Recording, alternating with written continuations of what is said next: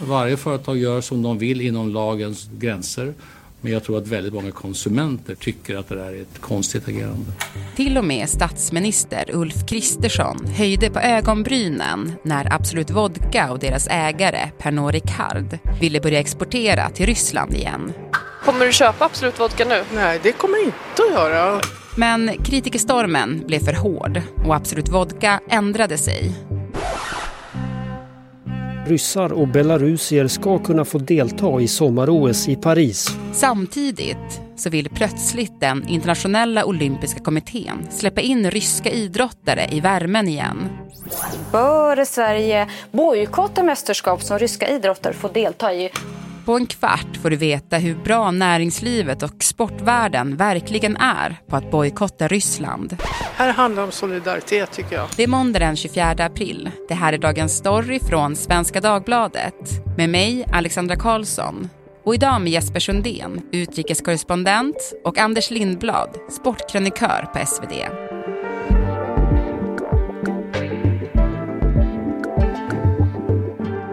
Du Jesper, det måste ha varit några stressiga dagar på Absolut Vodkas PR-avdelning, eller vad tror du? Ja, man kan nog räkna med att hon har en rejäl baksmälla nu idag.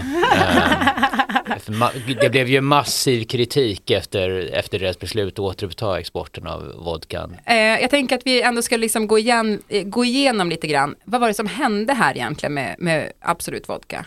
Absolut Company, företaget bakom Absolut Vodka, ska tillsammans med moderbolaget Pernod Ricard börja exportera alkohol till Ryssland igen. Det här mötte ju enorm kritik, en, en, en storm från politiskt håll men även från eh, restauranger och spritmässor och, och, vanligt folk som protesterade på sociala medier. Till och med bönderna som levererar spannmålet som, som man tillverkar vodkan av meddelade att de tänkte sluta leverera till, till Absolut helt enkelt. Mm. Ja men och då backar de eller vad hände? Ja, då backar de. Eh, det tog eh, några dagar men, men sen eh, beslöt de att, då meddelade de att de, de kommer inte leverera mer. Men de tycks inte riktigt ha förstått själva grundfrågan att det här är fel. Eh, utan de, de hänvisade till att de vill bespara sina anställda och sina partners kritik för det här beslutet. Mm -hmm. Ja, men nu producerar ju Ryssland också ganska mycket mm, vodka själva och behöver kanske inte Egentligen absolut. Men jag tänker de här sanktionerna eh, eh, som är mot Ryssland, de handlar ju framförallt om att stoppa sånt som Ryssland verkligen behöver. Det finns ju olika sanktioner. Det finns eh, individuella sanktioner mot personer som, som profiterar och, eh, på, på kriget och understödjer kriget på olika sätt. Eh, och sen så finns det ju eh, de viktigaste sanktionerna egentligen, de som förhindrar att eh, Ryssland får del av krigsmateriel eller, eller teknik som halvledare och avancerad teknik som, som gör att de kan bygga vapen och de kan, de kan utföra det här eh, mordiska kriget. Sen finns det ju också andra, andra eh, varor som cigaretter, kosmetika, eh, olika matvaror eh, som, som man har satt stopp för.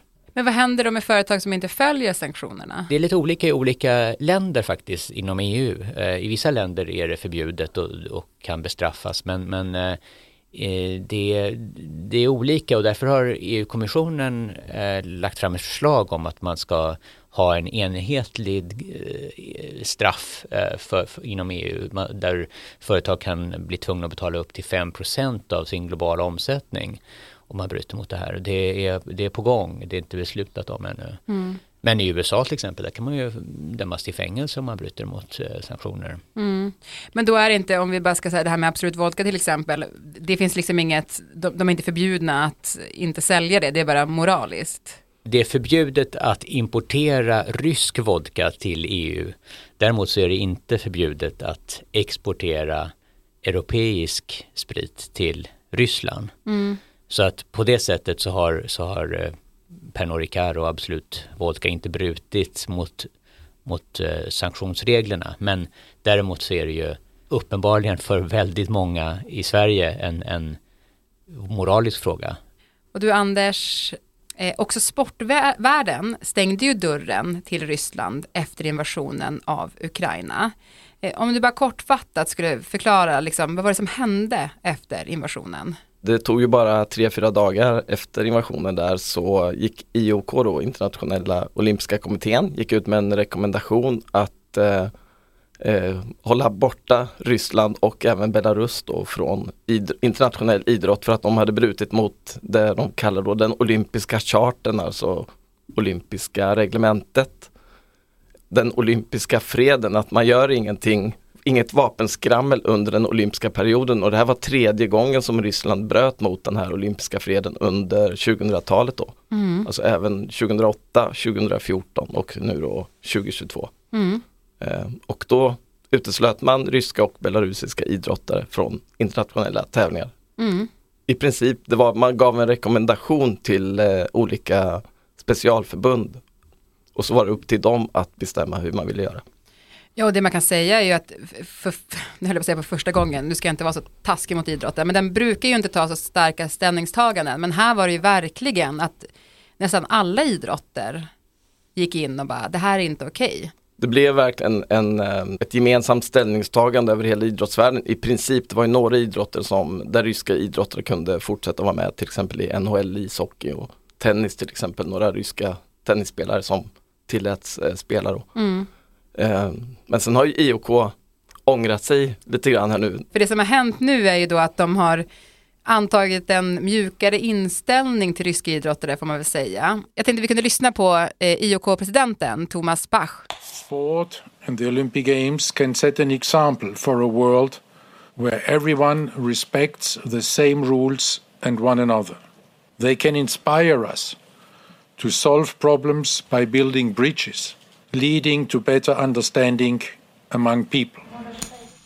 Nu låter han ju lite grann igen som, som det har brukat låta mm, inom idrottsvärlden, ja. man ska bygga broar med idrott. Men vad är det som har hänt inom internationella olympiska kommittén, alltså IOK? De inser att eh, OS är på väg, alltså nästa år är det sommar-OS i Paris, sen om eh, 2026 vinter-OS i Italien. Eh, ska man hålla fast vid den här rekommendationen då som man gav för ett år sedan att eh, hålla borta ryska och belarusiska idrottare eller ska man släppa in dem? Ryssland är ju en jättestor idrottsnation. En mm. maktpelare mm. på många sätt också i, inom idrotten och eh, det här är en fråga som är störst i Europa och i några länder som Kanada, USA, Australien. Övriga världen tycker att eh, vadå, det pågår ju 70 krig i, i världen. Ska vi stänga ute alla eh, nationer där krig pågår, då blir det inte mycket till, till idrott kvar då. Så mm. det är en fråga som IOK tycker, eh, ja den är knepig för IOK. Man vill ha med ryska idrottare men man vill då ha det under vissa restriktioner. De ska tävla under neutral flagg och eh, man får inte aktivt stödja kriget och man får inte ha anknytning till den ryska militären. Mm. IOK de har problem med den här frågan alltså och de inser då att hur ska de försöka få med Rys Ryssland igen men göra det på ett sätt som flera, ja, många kan godta och eh, därför har man ju inte än så länge då gått ut med en eh, man har inte tagit något beslut om ryska idrottare ska, ska få vara med i OS nästa år. Däremot Nej. har man ju öppnat för att man vill att de ska på något sätt komma tillbaka inom idrotten igen då. Mm. I höst har IOK sagt att det ska komma ett slutgiltigt beslut hur hur det blir med ryska och belarusiska idrottare i OS nästa år. Då. Mm. För man tänker från IOKs sida så det är ju ingenting som har förändrats sedan invasionen. Nej, nej, trycket från Ryssland är också stort på IOK att man vill komma tillbaka. Det är ju en, eh, idrotten används ju som propaganda i, eh, av den ryska staten. Putin är väldigt idrottsintresserad. Det finns många ryska eh, ledare inom den internationella idrotten. Jag har skrivit mycket om till exempel fäktningsförbundet där en rysk oligark styr hela förbundet och stoppar in 100 miljoner på egen, av, av, från egen ficka in i fäktningen. Mm. Och fäktningsförbundet är ett av de förbunden nu som har eh, tagit beslut på att eh, ryska idrottare får komma tillbaka i internationella tävlingar igen. Mm. Ja men för det var det jag tänkte komma till, alltså, kommer det börja öppna upp fler dörrar inom andra idrotter? Ja det är jag helt säker på. Eh, med tanke på att det bara återstår drygt ett år till OS eh, Alltså ryska idrottare brukar kvala in till OS genom europeiska kval. Men Europa är, är i princip, ja, har stängt ute ryska idrottare. Så nu har Asien öppnat upp för att uh, ryska idrottare ska kunna kvala in till OS i asiatiska spelen i höst som går i Kina. Mm. Så ryska idrottare kommer nog vara med i OS, det tror jag. Men under då kanske tävla under neutral flagg. Mm. Um, å andra sidan då så tycker då ryska idrottsledare att ja, rekommendationen att man ska tävla under neutral flagg, att det är ett hån mot Ryssland. De tycker inte man ska blanda ihop idrott och politik överhuvudtaget.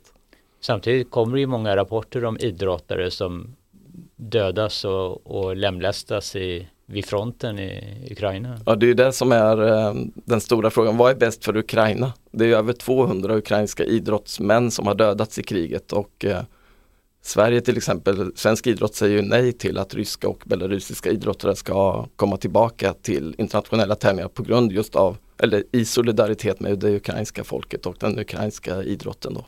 Mm. Alltså 34 eh, europeiska länder, deras idrottsministrar har gått samman i ett upprop där man har sagt att vi vill inte att Ryssland och Belarus ska komma tillbaka till internationell idrott. Mm.